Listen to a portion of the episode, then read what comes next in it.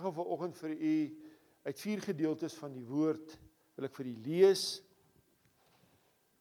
Uit Eksodus, uit Lukas en uit Hebreërs.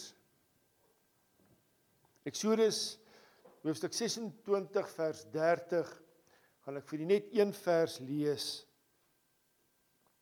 Dan uit Lukas die 11de hoofstuk vanaf vers 9 gaan ek vir julle 'n paar verse lees.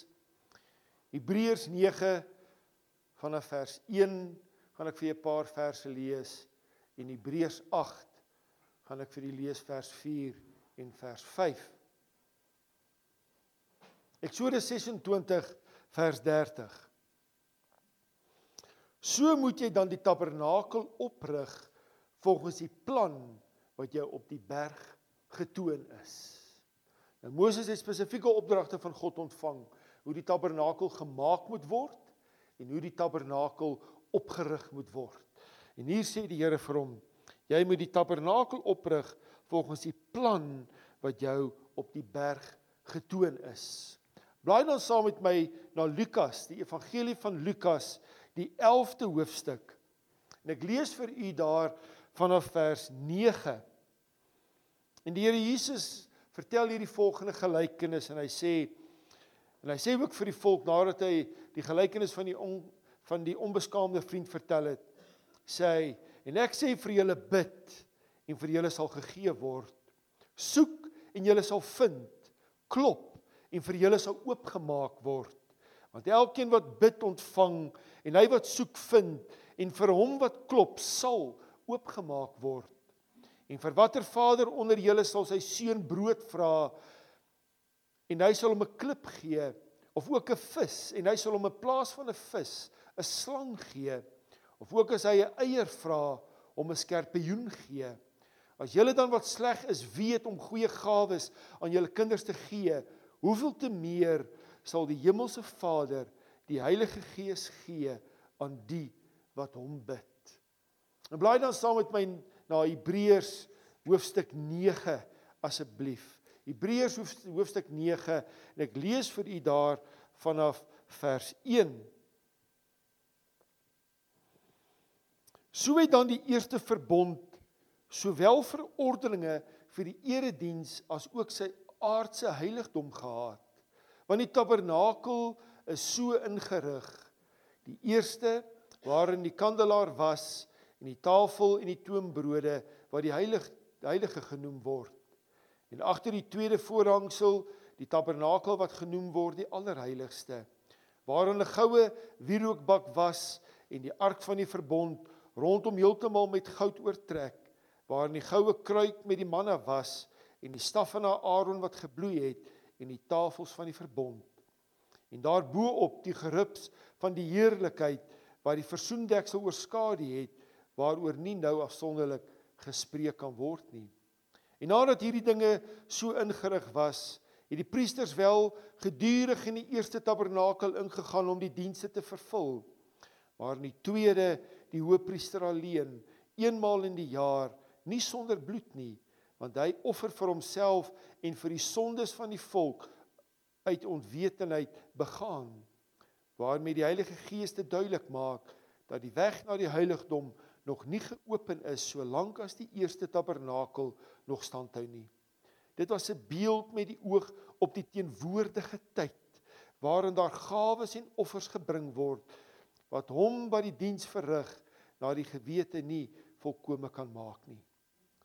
Omdat dit net bestaan het in spys en drank en verskillende verskillende wassinge en vleeslike verordeninge wat opgelê is tot op die tyd van herstelling. En dan Hebreërs hoofstuk 8 vers 4 en vers 5. Hy sê want hy want as hy op aarde was, sou hy selfs geen priester wees nie, omdat daar priesters is wat volgens die wet die gawes offer. Hulle wat 'n afbeeldsel en skaduwee van die hemelse dinge bedien soos Moses 'n goddelike bevel ontvang het toe hy die tabernakel sou voltooi want hy het gesê kyk dat jy alles maak volgens die voorbeeld wat jou op die berg getoon is. Tot sover mag die Here sy kosbare woord ryklik aan elke een van ons se harte seën. Die tema van my gebed vir oggend is die tabernakel en die wonder van gebed. Die tabernakel en die wonder van gebed. Nou, gooi vir my daai volgende skyfies op asseblief julle. O, ekskuus, ek is een te vinnig. Net so oombliekie, dankie. Nou, elke een van ons wat bely dat ons kinders van God is, het 'n lewende verhouding met God wat en en ek en u in hierdie lewende verhouding met God dien die enigste en die waaragtige God wat daar is. Daar is nie nog 'n God soos ons God nie. Daar is nie nog 'n lewende God nie. En hierdie verhouding van ons kan gesamentlik en afsonderlik aan drie komponente gemeet word. Hierdie verhouding met God. Heel eerstens kan ons dit meet aan aan God se woord. Ons verhouding met God se woord, want God het homself ten volle geopenbaar in sy skrewe in sy geskrewe woord. Wie hy is, wat hy is, hoe hy hoe hy funksioneer, wat hy van sy skepsels verwag, van die mense wat hulle toewy aan homself. En my en u verhouding met God kan ook gemeet word aan ons verhouding met sy met sy geskrewe woord. Maar ons verhouding met God kan ook in ons aanbidding en lofprysing van God gemeet word. As ek nie weet hoe om God te aanbid en sy naam groot te maak nie, hoe om al die lof en al die eer aan hom te bring, dan sê dit iets van my verhouding met God. Die mense het baie te sê oor hulle gunsteling sportsterre of hulle gunsteling sportspan oor hoe goed hulle is en hulle kan vir jou al die wonderlike goeders vertel van sekere spelers van sekere spanne. Maar wanneer hulle die die die, die lewende God so moet vereer en verheerlik, dan weet hulle nie hoe om dit te doen nie. En ons verhouding met God kan ook gemeet word aan ons gebiedslewe. In watter mate ek ek my my verootmoedig voor God en in gebed tot hierdie allerheilige God nader want gebed is een van die aspekte van hierdie verhouding wat 'n geweldige impak op my en u as individue se lewens maak. Gebed verander die bidder se lewe. Ons bid altyd Here verander A of B se se lewe, verander hulle omstandighede, maar wanneer ek en jy werklik God bid en aanbid, dan verander hy ons lewens deur gebed. Ons gees, ons gemoed word verander en in lyn gebring met met dit wat die een wat aanbid word van ons wil hê en van ons verlang. Die die dinamika van gebed is dat sodra ek in in opregtheid begin bid, dan is dit asof daar 'n kanaal tussen myself en die hemel begin oopgaan. Jesus het vir ons die weg gebaan vir hierdie kanaal om oop te gaan toe die voorhangsel van die tempel geskeur het tydens sy kruisiging. Toe hy sy asem uitgeblaas het en gesê het dit is volbring, op daai selfde oomblik het die voorhangsel van die tempel middeldeur geskeur van bo tot onder en het die volk wat nooit toegang tot die allerheiligste gehad het nie, het ewe skielik toegang gehad tot die allerheiligste. Wanneer ek en u in ware opregtheid in voor God kom staan, het ons onmiddellike toegang tot God. Dit is so goed soos God staan hier voor jou en ek en jy en ekskuus tog en ek en hy praat met mekaar. Dit is die wonder van van gebed. Dit is die wonder van die weg wat Jesus vir ons gebaan het. En wanneer ek en jy God aanroep, sê die woord, sal hy homself aan ons openbaar. Ons hoef nie te wonder wat gaan gebeur nie. Jeremia 33 vers 3 sê die Here, roep my aan en ek sal jou antwoord en jou bekend maak groot en ondeurgrondelike dinge wat jy nie weet nie. Roep my aan. En wanneer die Here sê roep my aan, dan sê hy nie jy moet daar staan en sê As die huis besig is om af te brand, gaan sit gaan gaan gaan Linnie daar bo in die kombuis staan, haar susser onder in sy studeerkamer is en sê: So, is 'n probleem nie. Nee, daai vrou gaan gil dat die bure dit hoor. Sy gaan haar man roep. Roep God aan met 'n stem dat dit, dat hy dit kan hoor. Nie dat God doof is nie, maar roep hom aan.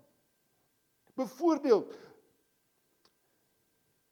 God openbaar homself aan die disippels toe hulle daar op Pinksterdag eendragtig bymekaar was en tonge van vuur uit die hemel gekom het en hulle met die Heilige Gees gevul is. Het God homself aan hulle geopenbaar terwyl hulle besig was om te bid en om aan te roep. Petrus was daar op die dak besig, besig om te bid en God aan te roep. Toe God aan, aan hom die visioen gegee het van die laken met al die rein en ondier en en, en onrein diere in. Johannes was daar op die eiland Patmos besig om te bid, besig om God aan te roep. Toe God homself aan Johannes openbaar en vir hom die toekomstige dinge openbaar wat opgeteken staan in die boek Openbaring. Die Here sê roep my aan en ek sal aan jou bekend maak groot en ondeurgrondelike dinge wat jy nie geweet het nie. Hierdie manne het nie van hierdie goed geweet nie. Dis groot en ondeurgrondelike dinge wat God aan hulle geopenbaar het. Gebed bring die arm van God in beweging. Daar in Lukas 11 sê die Here Jesus bid en jy sal kry. Klop en vir jou sal oopgemaak word.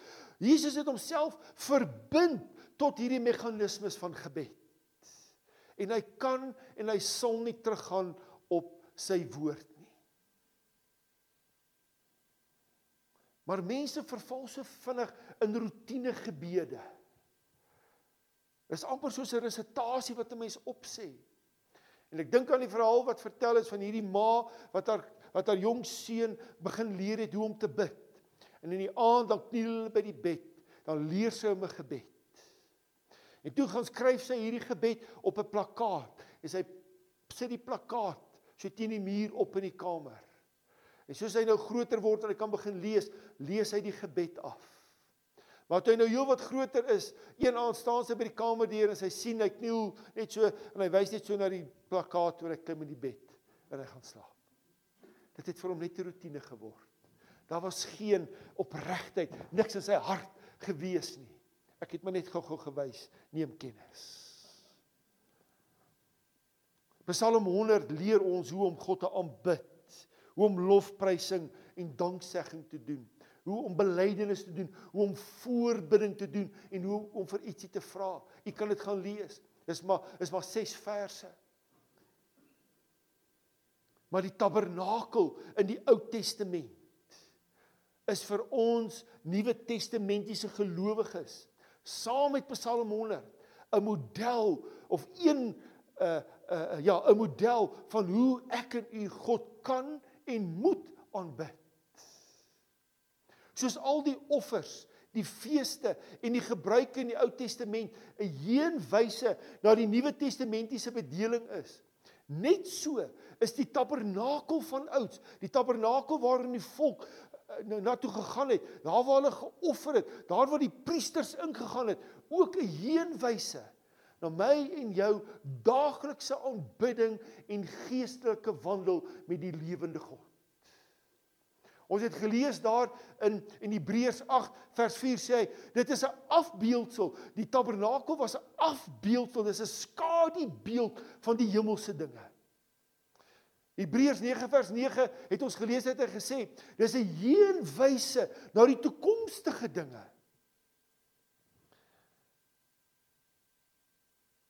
Dit was 'n beeld met die oog op die teenwoordige tyd. Ek en u moet God met dieselfde eerbied, met dieselfde respek en op dieselfde wyse aanbid as wat die volk van ouds dit gedoen het. Die moderne mense, die Nuwe Testamentiese gelowiges, het nie daardie selfde eerbied en respek vir God as wat die Ou Testamentiese mense gehad het nie. Mense dink ek kan sommer net so vinnig in God se teenwoordigheid inbeweeg en terwyl dit doen, gaan my selfoon antwoord en gou 'n paar ander goeders doen. Here net 'n oomblik, ek is nou weer daar en so aangaan en aangaan en dan gaan ek weer aan met my gebed. Wanneer jy tot God nader, dan beweeg jy in die allerheiligste in in die teenwoordigheid van die skepper van die hemele en die aarde. En ons moet besef met wie ons te doen het wanneer ons gaan bid en wanneer ons aanbid. Want Hebreërs 13 vers 8 sê Jesus Christus is vandag die uh, en gister of ekskuus tog is gister en vandag dieselfde tot in ewigheid. Hy het tog nooit verander nie. Dieselfde wyse en respek en eerbied van aanbidding wat hy verwag het van die van van die uitverkore volk, verwag hy vandag van my en van jou. Maar kom ons gaan kyk vir 'n paar oomblikke na die inhoud en die uitleg van die tabernakel van ouds en hoe dit my en u aanbidding, ons daaglikse aanbidding en geestelike wandel met God raak. Nou, u sal sien nou die tabernakel het hierdie hele gedeelte beslaan daar. En die volk het rondom die tabernakel kamp opgeslaan. Nie net waar hulle wil nie, daar was spesifieke voorskrifte gewees wie aan die suide, die ooste, die weste en in die noorde kant moes gewees het. Dan het die volk, die mense gekom, daar by die ingang ingegaan. Dan het hulle hulle offerdiere gebring. En daar is die diere geslag in daardie voorhof. Dit is die voorhof hierdie. En die volk het toegang tot die voorhof gehad. En dan was hulle offers daar geoffer op die altaar.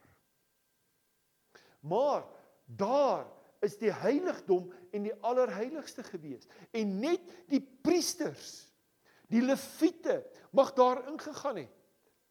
En voordat hulle daar kon ingegaan het, moes hulle hulle self daar gereinig het by die koper waskom. En daar was spesifieke voorskrifte gewees. Hulle moes hulle hulle moes hulle self reinig en dan het hulle daar ingegaan om hulle dienswerk daar binnekant te gaan doen. Wys my die volgende skyfie asseblief. Nou, dit is hoe die heiligdom en die allerheiligste gelyk het in die binnekant. As hulle hier ingekom het, Dan het hulle daar die die goue kandelaar gekry. En daar's sewe van daai ehm um, kelkies gewees waar die kersse moes opgebrand het. Dan was daar die tafel met die toonbrode gewees. En dan die reukofferaltaar waarop hulle eenmal 'n dag 'n 'n reukoffer tot God moes opgehef het. En daardie gordyn daar is die voorhangsel En net in hierdie gedeelte het die priesters hulle dienswerk gedoen. En dan eenmal 'n jaar op die groot versoendag het die hoëpriester deur daardie gordyn beweeg en in daardie gedeelte ingegaan in die allerheiligste waar die ark van die verbond gestaan het. Waar hy met God ontmoet het en God vir hom instruksies en voorskrifte gegee het en hy met God gepraat het en en daar het hy ook verzoening gedoen vir die vir sy eie sonde en vir die sonde van die volk. So hierdie tabernakel, hierdie gee vir my en u 'n aanduiding, 'n riglyn van hoe ek en u God moet aanbid. Kom ons kyk heel eerstens na die voorhof. Julle kan maar die skyfies se goeders maar so saamvat. Nou daardie prentjie wat ek vir u gewys het, hierdie die volk het toegang gehad tot hierso Daar is die heiligdom, daar is die allerheiligste. Nou in die voorhof was heel eerstens het ek vir u die offeraltaar gewys. Nou by die offeraltaar is daar uit die aard van die saak diere geslag. En hierdie diere is aan God geoffer. En hier het baie bloed gevloei. Om iets te offer was nie 'n mooi gesig gewees nie. Lammetjies se kele is afgesny. Bulle is daar keel afgesny. Daar het baie bloed geloop. Maar hierdie bloedoffers wat daar gebring is, moet my en u herinner aan die offer wat die Here Jesus Christus op Golgotha vir my en vir jou gebring het. Op dieselfde gruwelike wyse as wat daardie diere daar geslag is en hulle bloed gevloei het, het sy bloed gevloei aan 'n kruishout op Gol, op Golgotha sodat ek en jy kinders van die lewende soewereine God kan wees. En ons moet die Here loof en dank vir sy wonderbare liefde wat hy op Golgotha aan ons bewys het deur 'n bloedoffer vir my en vir jou te bring. Ek en u, wanneer ons tot God nader, moet ons daar eerstens bid oor die bloed van die Here Jesus Christus. Dank hom dat die bloed deel van jou lewe geword het, dat dit jou dat dit jou reinig en van van alle sonde, dat dit jou sonde afwas, dat jou sonde en jou en jou afskuwelike vorige lewe deur die bloed van Jesus Christus bedek is. Ons moet bid vir vir elke een van ons familie, ons vriende, ons kollegas en ons kennisse dat die bloed van Jesus Christus deel van hulle lewens sal word.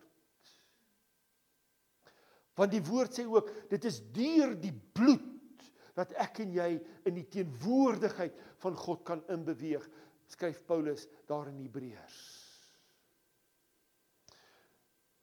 Hierdie brandoffers hierdie offers wat daar op die altaar gebrand word, moet ons ook herinner daaraan dat ek en u, dat ons lewens verander is deur die vuur van wedergeboorte. Iets wat net God kan doen. En ons moet die Here dank vir wedergeboorte van ons lewens. Ons moet die Here dank vir die wedergeboorte van ons kinders en ons familie en ons vriende se lewens. En ons moet hom ook dank dat selfs al struikel ons en val ons, ons kan opstaan en dat ons sonde nog steeds op dieselfde wyse hanteer word, dat dit bedek word deur die bloed van Jesus Christus. Daar in die voorhof is ook die koper waskom. En die diensdoenende priesters, soos ek vir u gesê het, moes elke keer hulle hulle hande hier was en hulle self reinig voordat hulle in die heiligdom kon inbeweeg. Hulle moes hulle hulle self reinig voordat hulle met hulle diens kon begin het. Nou hierdie reinigingsrituele wat die priesters gevolg is ge, uh, gevolg het is 'n heenwyse na die reinigingswerk wat die Here Jesus Christus vir my en vir jou gedoen het. Hierdie reinigings uh handelinge van die priesters moet ons voortdurend daaraan herinner dat ek en jy na heiligmaking en algehele reinheid moet streef en dit moet in ons lewens moet dit gereflekteer word. Ons moet bid vir die reiniging van ons denke. Ons moet bid vir die reiniging van ons dade, van jou gemoed, van jou gees, van jou siel. Net ver oggend het, het het iemand vir my gesê, ehm um, 90% is ek reg? 90 70 70% van van mense se denke is negatief en sleg. Dan vra mense dan wil mense vra hoekom is almal amper in depressie verval? Waaraan dink jy? Wat bedink jy? Koester jy die slegte negatiewe gedagtes? Of neem jy beheer van jou gedagtes?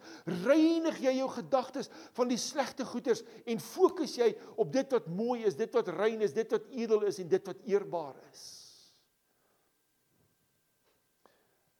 Johannes 1 Johannes 1 vers 9 sê as ons ons sonde bely. Hy is getrou en regverdig om ons die sonde te vergewe en ons van alle ongeregtigheid te reinig. Kyk mooi na hierdie teks. As ons ons sonde bely as ek inkom in die daar in die voorhof en ek gaan staan by die brandofferaltaar en ek erken en bely my sonde en die Here Jesus vergewe dit God die Vader vergewe dit deur die bloed van Jesus, gaan ek na die koper waskom toe waar ek van alle ongeregtigheid gereinig word.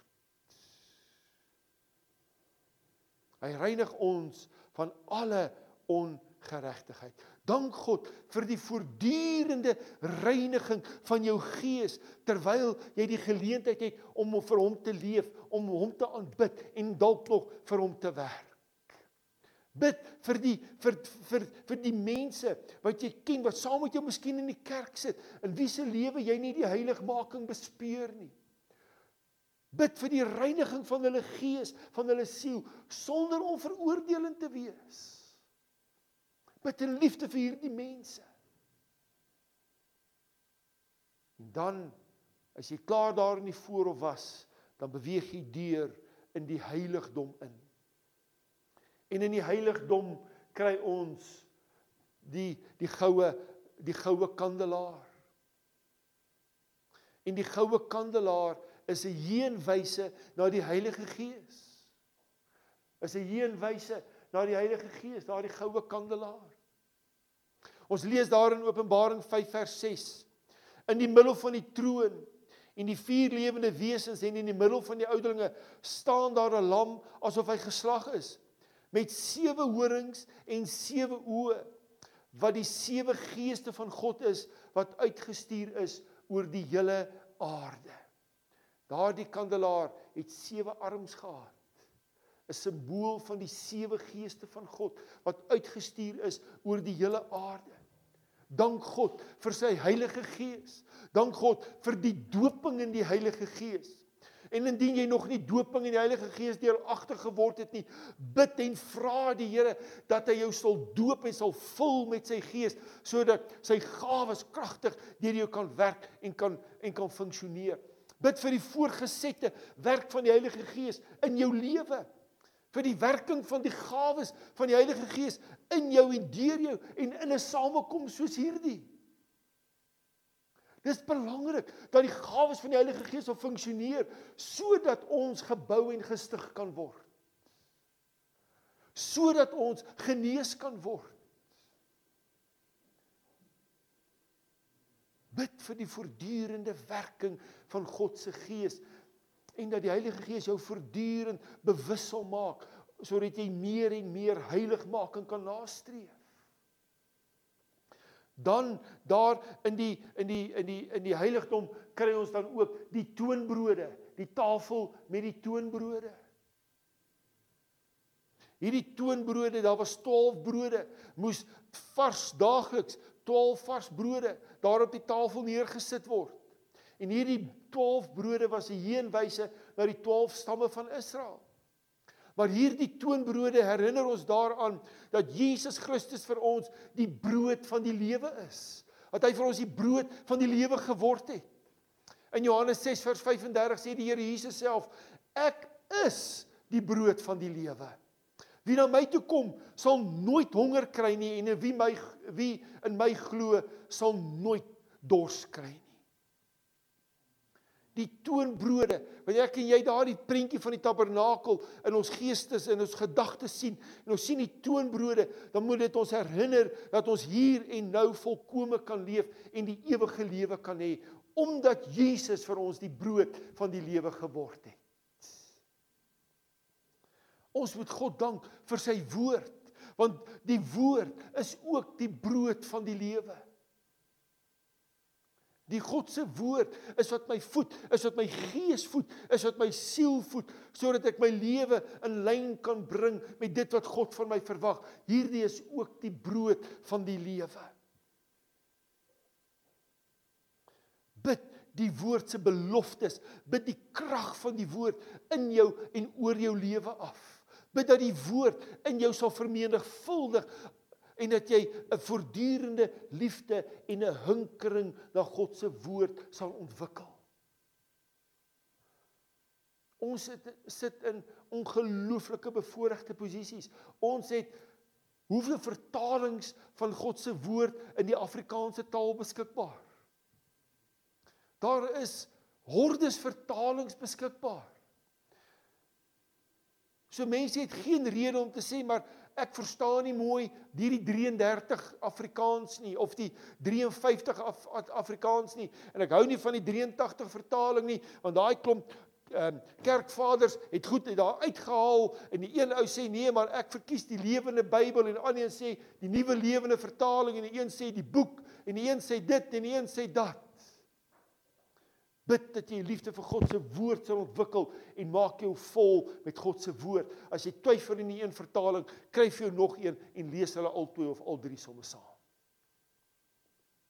Die toonbrode is 'n beeld van die brood van die lewe. En dan kry ons ook daar in die heiligdom die reukoffer altaar. Die reukoffer altaar daar.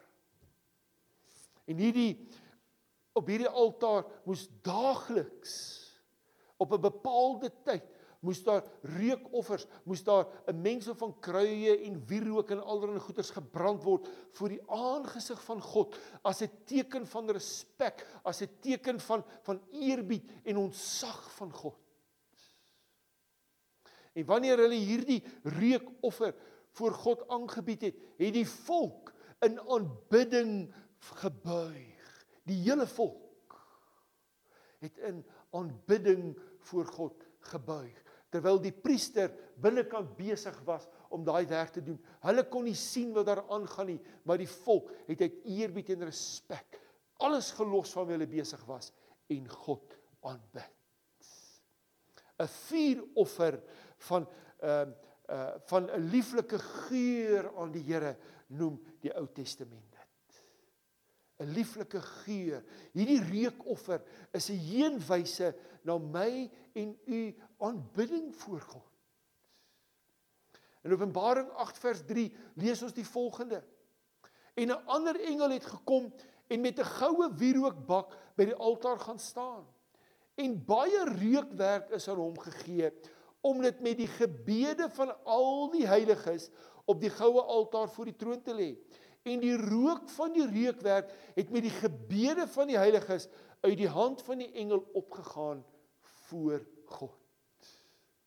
My en jou aanbidding om vir God te vertel hoe wonderlike God hy is. Sy lof en sy eer en sy majesteit te besing moet soos 'n reukoffer opgaan voor God. Dit moet soos daardie geure wat opgekom het van die reukofferaltaar, moet dit in die neus van God inbeweeg en Dit kan sy gemoed bepaal. Jy al verby, wat is 'n wat is die mooi Afrikaanse woord vir 'n dreinpyp? Daar verbygeloop en hy vrot 'n bietjie. Jy's onmiddellik trek jy jou kuite styf, pomp trek jy jou rug styf. Want dit is walglik. Maar wanneer jy daar in 'n roostuin staan en die lieflike geure van daardie blomme kom in jou neus in. Dit doen iets aan jou gemoed. Dit laat jou sommer lekker voel. Dit is waarom ons gebede moet 'n lieflike geur voor die aangesig van die Here wees. Aanbidding. En kyk waar staan hierdie hierdie hierdie hierdie offeraltaar. Dit staan direk voor die voorhangsel. Daardie streep wat ek daar getrek het, is die voorhangsel. Dis daardie gordyn en die die aanbidding vind plaas daar daar by die voorhangsel. Dit is die sleutel om in die allerheiligste in te beweeg. Vir my en u as as Nuwe Testamentiese gelowiges, wanneer ek en u God aanbid, wanneer ons sy lof besing vir wie en wat hy is, dan kry ek en u die geleentheid om in die allerheiligste in te beweeg, om agter die kom ons noem dit die skyngordyn in te beweeg wat nie meer bestaan nie. Hierdie reukofferaltaar herinner ons ook daaraan dat ek en u voortdurend reukoffers wat ons voortdurend aanbidding voor God moet opstuur. Ons moet voortdurend bid ter wille van ons verhouding met God.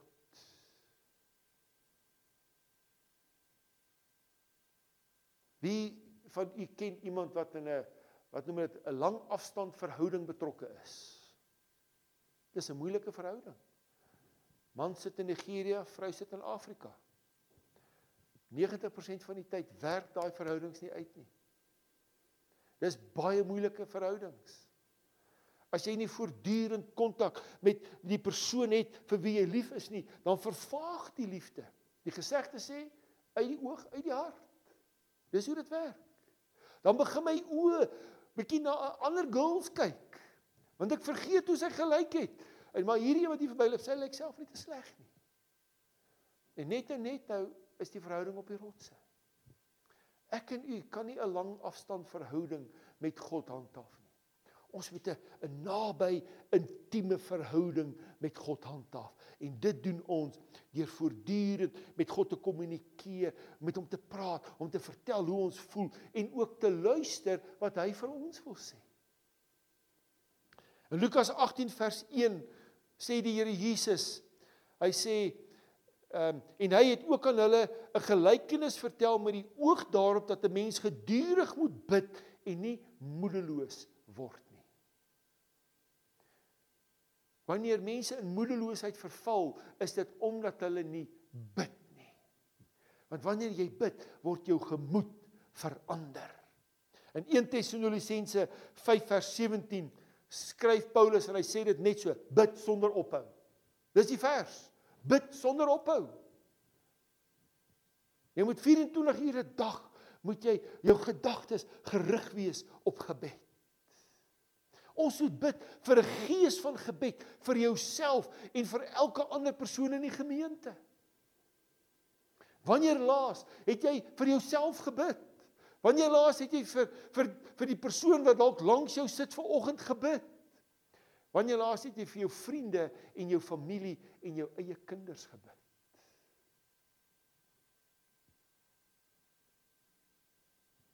In in die Ou Testamentiese bedeling het die priester se dienswerk hier gestop. Hier by die reukofferaltaar, hier voor hierdie gordyn. Hulle het nie geweet wat daar agter gebeur nie. En ek dink hulle was baie nuuskierig geweest. Maar hulle het geweet as ek daai gordyn skuif en ek loer daarin, sal ek met die dood gestraf word. Want dit was net die hoëpriester beskore om eenmal 'n een jaar daarin te beweeg in die teenwoordigheid van God te gaan staan. Om in die allerheiligste, om in die heiligheid, om in die heiligheid van God omvou te kan word. Dink so 'n bietjie daaraan. Om deur die heiligheid van God omvou te word. Eksodus 26 vers 30 lees ons. So en dit is die opdrag aan Moses. So moet jy dan die tabernakel oprig volgens die plan wat op die berg vertoon is.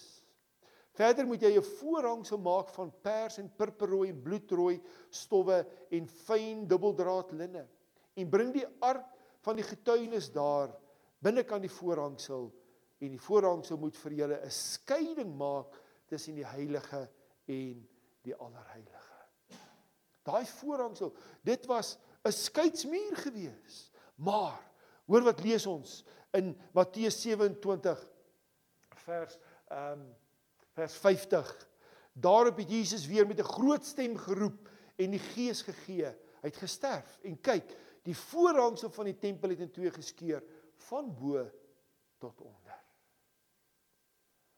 Jesus het hierdie skeiding weggeneem en dit hy vir ons die weg gebaan sodat ek en u die allerheiligste kan betree. Ek en u het 'n voorreg wat die wat die uitverkore Ou Testamentiese volk van God nie gehad het nie wat net een man het daai voorreg gehad, die hoofpriester om in die teenwoordigheid in die allerheiligste in te beweeg. Het ek en u die voorreg om wanneer ons wil daagliks, uierliks in die teenwoordigheid in die allerheiligdom van God in te beweeg. En in die allerheiligste kry ons die mees kosbaarste besittings van die volk Israel. Die ark van die verbond gaan nog eene aan. Die ark van die verbond. Dis hulle kosbaarste besitting gewees. En binne in hierdie ark was die kruik met manna. Die kliptafels wat God vir Moses op die berg gegee het en die staf van Aaron wat gebod het. En wanneer ek en jy daar in die allerheiligste in beweeg, dan kan ons ons mees kosbaarste besittings na God toe bring jou vrou, jou kinders, jou gesin, jou familie, jou werk, die gemeente. Jou mees kosbaarste besittings kan jy daar kom en sê Vader, ek bid vir oggend vir my vrou, vir my seuns, vir my dogters. Jou kosbaarste besittings. Alles wat vir jou heilig en kosbaar is, kan jy hier voor God se aangesig neerlê. En die ark van die verbond moet ons herinner aan ons nuwe verbond waarin ons staan met met die Vader as gevolg van dit wat Jesus Christus vir ons gedoen het op Golgotha. En ons moet hom dank en eer en loof daarvoor. Die nuwe verbond wat ingelei is deur die Here Jesus Christus die nagmaal daar ingestel het en dit aan sy disippels bedien het. Maar dit skep ook die geleentheid om te kom en sê Vader, hierdie ark van die verbond herinner my aan my vriende, aan my kollegas, aan my familie, aan die kennisse, aan my buurman wat nog nie deel van hierdie nuwe verbond geword het nie. En bid ek, Here, dat U deur die Heilige Gees hulle sal dryf, hulle sal dwing, hulle bewus sal maak van sonde, van oordeel, van geregtigheid, van redding in Christus Jesus, sodat hulle deel kan word van hierdie nuwe verbond. En binne in hierdie in hierdie uh uh um die die die altaar waar daar gestaan het. Die ark van die verbond kry ons die kruik met die manna. En hierdie manna is spreekend van God se initiële en voorgesette voorsiening vir alles in my lewe. Dit spreek dat God alles voorsien het sodat ons saligheid kan kan kry. Dit dit spreek daarvan dat God vir ons alles voorsien vir ons daaglikse bestaan en lewe. Ek en u hoef niks meer te doen om deel te word van die verbond nie. Maar binne in kry ons ook die kliptafels. Hierdie kliptafels wat Moses moes uitgekap het nadat hy die oorspronklikes gebreek het. En wat die wette en die insettinge van God aan die volk bevat het. Dank God vir sy wet en sy insettinge. Maar dank hom daarvoor dat dit nou nie meer op kliptafels uitgekap is nie, maar op die tafels van jou hart geskrywe staan. In 2 Korintiërs 3 vers 2 lees ons die volgende. Hy sê: "Julle is ons brief, geskrywe in ons harte, geken en gelees deur alle mense, omdat julle duidelik 'n brief van Christus is, deur ons diens berei, geskrywe nie met ink nie, maar met die gees van die lewende God, nie op kliptafels nie, maar op die vleestafels van die hart." Jy's 'n brief van Jesus Christus. En 'n brief kan goeie of slegte inhoud hê. En die Here Jesus Christus bevat nie slegte inhoud nie. As jy 'n slegte brief is wat jy daar buite uitdra en uitleef, moet jy bietjie gaan kyk na jou na jou bekering en jou verlossing. Here, is ek werklik gereinig en geheilig? Het ek werklik deel geword? want jy's 'n brief van die Here Jesus Christus. En dit staan geskrywe nie met ink nie, maar op die tafels van jou hart sê die woord. En dan kry ons ook die staf van Aaron wat wat bloei of wat bot. En hierdie staf van Aaron is net so goed hierdie stuk hout wat hier buitekant op die gras lê het 'n klomp bloeisels aan. Dis onmoontlik. Dit kan nie gebeur nie. Maar vir God is niks onmoontlik nie. En hierdie staf van Aaron wat bot is vir ons 'n simbool van die nuwe lewe wat ons ontvang wanneer ons deel van die nuwe verbond word. Ons moet die Here dank dat daar nuwe lewe in ons gekom het. Die dag toe ons die Here Jesus aangeneem het as verlosser en saligmaker. Nuwe lewe nadat ons aanvanklik dood was in ons sonde en in ons misdade en in ons oortredinge. Hy het vir ons nuwe lewe gegee. Die tabernakel van ouds is 'n heenwyse na wat vir my en vir jou as Nuwe Testamentiese gelowiges belangrik is. Of my nou, daar kan jy sien, die voorhof is 'n plek van belydenis. Dis daar waar ek kan kom in my sonde, my skuld bely en reiniging van alles ontvang. Die heiligdom is die plek waar ek God aanbid. En dan in die allerheiligste is die plek waar ek God ontmoet. Dis daar waar ek gevul word en oorvul word met die heerlikheid van die lewende God. Maar wanneer ons bid, moet ek en u spesifiek bid. Ons moenie net so in die lug bid nie. Moenie skimpe gooi na God se kant toe nie. Wanneer jy bid, gaan in jou binnekamer in. Sluit die deur en sê vir jou huismense, ek wil nie nou gesteer word nie. Ek gaan nou bid. So as die polisie aan die deur klop om my te kom arresteer, sê vir hulle net 'n bietjie wag, ek is besig.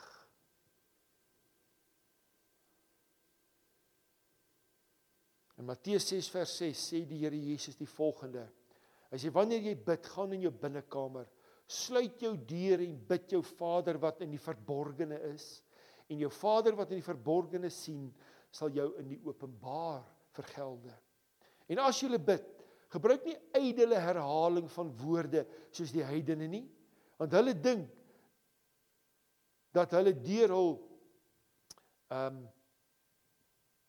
baie woorde verhoor sal word. Ons moet in opregtheid bid. Wanneer ek vir my buurman bid, moet dit nie wees omdat hy my irriteer nie. Dit moet wees omdat ek besorgd is oor sy siel. Ons moet hardop bid tot God. Roep hom aan. Want as jou kinders jou hoor bid daar in jou kamer of in jou studeerkamer sal dit hulle ook inspireer en gaan hulle ook miskien luister. Hoorie, dit is hoe 'n mens bid en gaan hulle ook by jou kan leer hoe om dit te doen.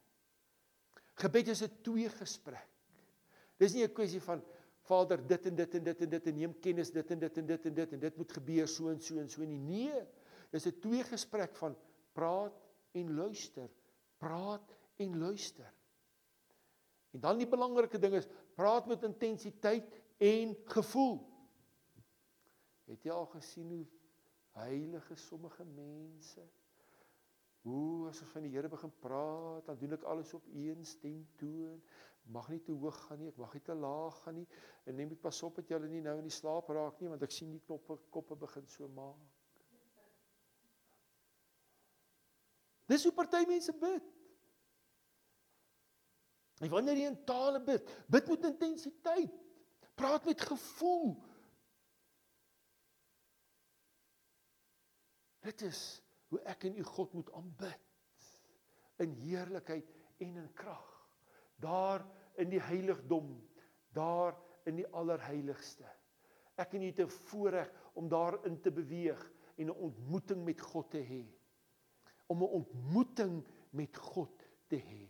Besef u wat 'n geweldige voorreg dit is. Dat die skepper van die heelal bereid is om in jou slaapkamer met jou te ontmoet. Besef u dit? Hoe belangrik jy en ek vir hom is. Dat hy daar in daai klein 3 by 3 meter hokkie waar jou lesenaar staan bereid is om daar in te kom en met jou daar te sit en met jou daar te ontmoet. Dis hoe belangrik en hoe spesiaal jy vir hom is.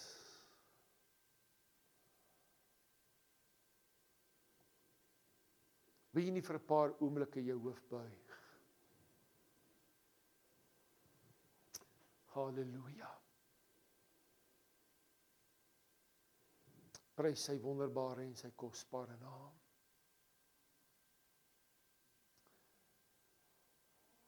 Here, wanneer ons ver oggend na U toe kom, dan moet ons eerstens erken en bely, Here, dat gebed seker een van die sake is waaroor ons as gelowiges die meeste praat, maar die minste doen. En dit baie mense, Here, wat bely dat hulle U kinders is, net bid wanneer hulle in nood en in krisis verkeer. Maar ek wil ver oggend voor U staan, Here, en ek wil bid. Ek wil vra dat U deur die kragtige werking van die Heilige Gees werklik, Here, 'n gees van gebed in ons binneste sal opwek. Dat U hinkering na gebed by elke een van ons sal wakker maak. soos wat ons 'n hinkering het na na na kos, Here, na koffie of tee of wat dit ook al is. dat ons net so 'n hinkering sal hê om in gebed en in aanbidding voor U te staan. Maak ons 'n gemeente, Here, wat werklik bid. Wat U aanbid.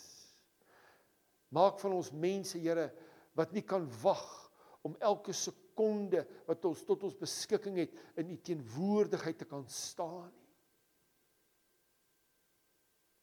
Dryf ons daartoe deur die Heilige Gees. Halleluja.